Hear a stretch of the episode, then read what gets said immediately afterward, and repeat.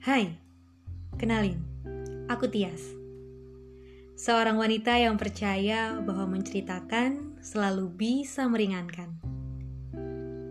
Karena itu podcast ini lahir untuk menjadi teman berbagi dan mendengarkan cerita kalian tentang perasaan, kenangan, boleh juga harapan. Sebab kita sama-sama mengerti bahwa memendam sendiri biasanya menyiksa hati.